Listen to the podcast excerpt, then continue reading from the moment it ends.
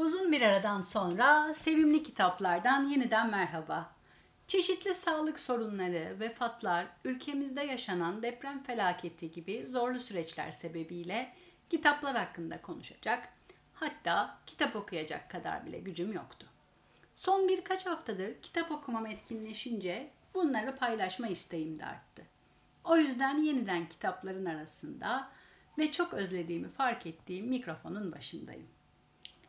Yeniden okumaya başladığım günlerde yeni yazarlarla tanıştım.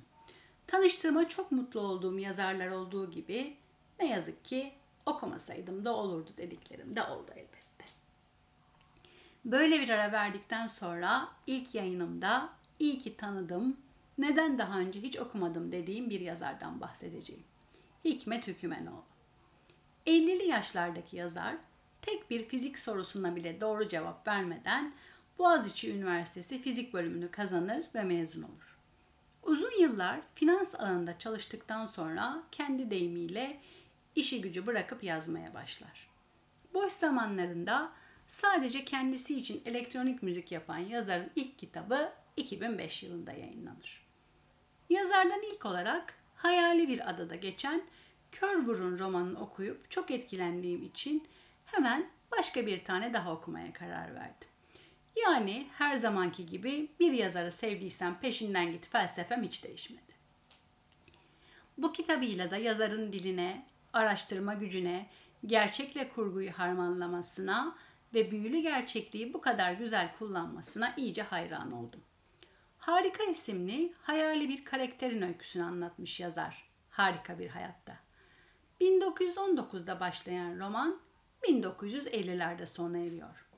Bebek, çocuk, inatçı ergen ve alımlı genç bir kadın olan Harika'nın olgunluk günlerine uzanıyor. Harika tamamen kurgu bir karakter ama yaşanan olaylar tamamen gerçek. Halide Edip Adavar'ın Büyük Sultanahmet mitingi de var. Tan gazetesinin basılıp her şeyin yakılıp yıkılması da. Suat Derviş'in pırıl pırıl parladığı günler de var, işsizlik günleri de. Çok baskın bir karakter olan annesi Harika'nın neredeyse her adımını kısıtlar. Anne Melek Hanım Harika'nın her yaptığına karşı gelir ama çok yetenekli, çok başarılı olan Harika yaptığı her şeyi annesi mutlu olsun diye yapar. Asla annesine karşı gelmez. Anne kız ilişkisi üzerinden ilerleyen romanda gerçek karakterlerde birer birer resmi geçit yapar. Kurgu olan bir romana Suat Derviş, Sabiha Sertel, Nazım Hikmet gibi karakterleri yerleştirmek aslında çok zor bir iş. Hem o kişilerin değerini korumak hem de roman karakteri yapabilmek tam bir ustalık. Harikanın hayatında güzel dostluklar ki en önemlisi bence Gülizar ve büyük bir aşk da var. Selçuk. Selçuk okurken önce kızıyorsunuz, acıyorsunuz, üzülüyorsunuz ama sonunda seviyorsunuz okuyucu olarak. Bu adam çok sevmiş harikayı diye geçiriyorsunuz içinizden. Yazar harikanın hayatını başkalarının ağzından anlatılmasını seçmiş. Yani harika konuşmuyor bu romanda.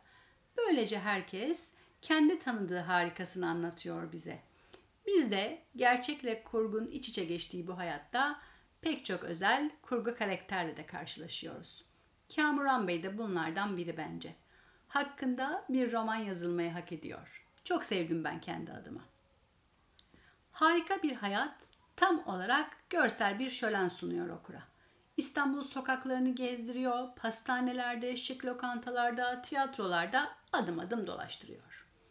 Televizyonda izlediğimiz pek çok dönem işinin çok ilerisinde. Okuduğum süre boyunca aklımdan rol dağılımı yaparak dizi haline getirdim bile. Eminim bir gün izleyeceğiz harikayı. Ayrıca roman öyle bir noktada bitiyor ki bitmiyor fark ediyorsunuz. Mutlaka devamı gelecek hissediyorsunuz. Harikadan vazgeçemiyorsunuz. Şimdiye kadar Hikmet Hükümenoğlu ile tanışmadıysanız bence tanışın, seveceksiniz. Bir başka kitap, bir başka yazarda görüşmek üzere. Kalın sağlıcakla.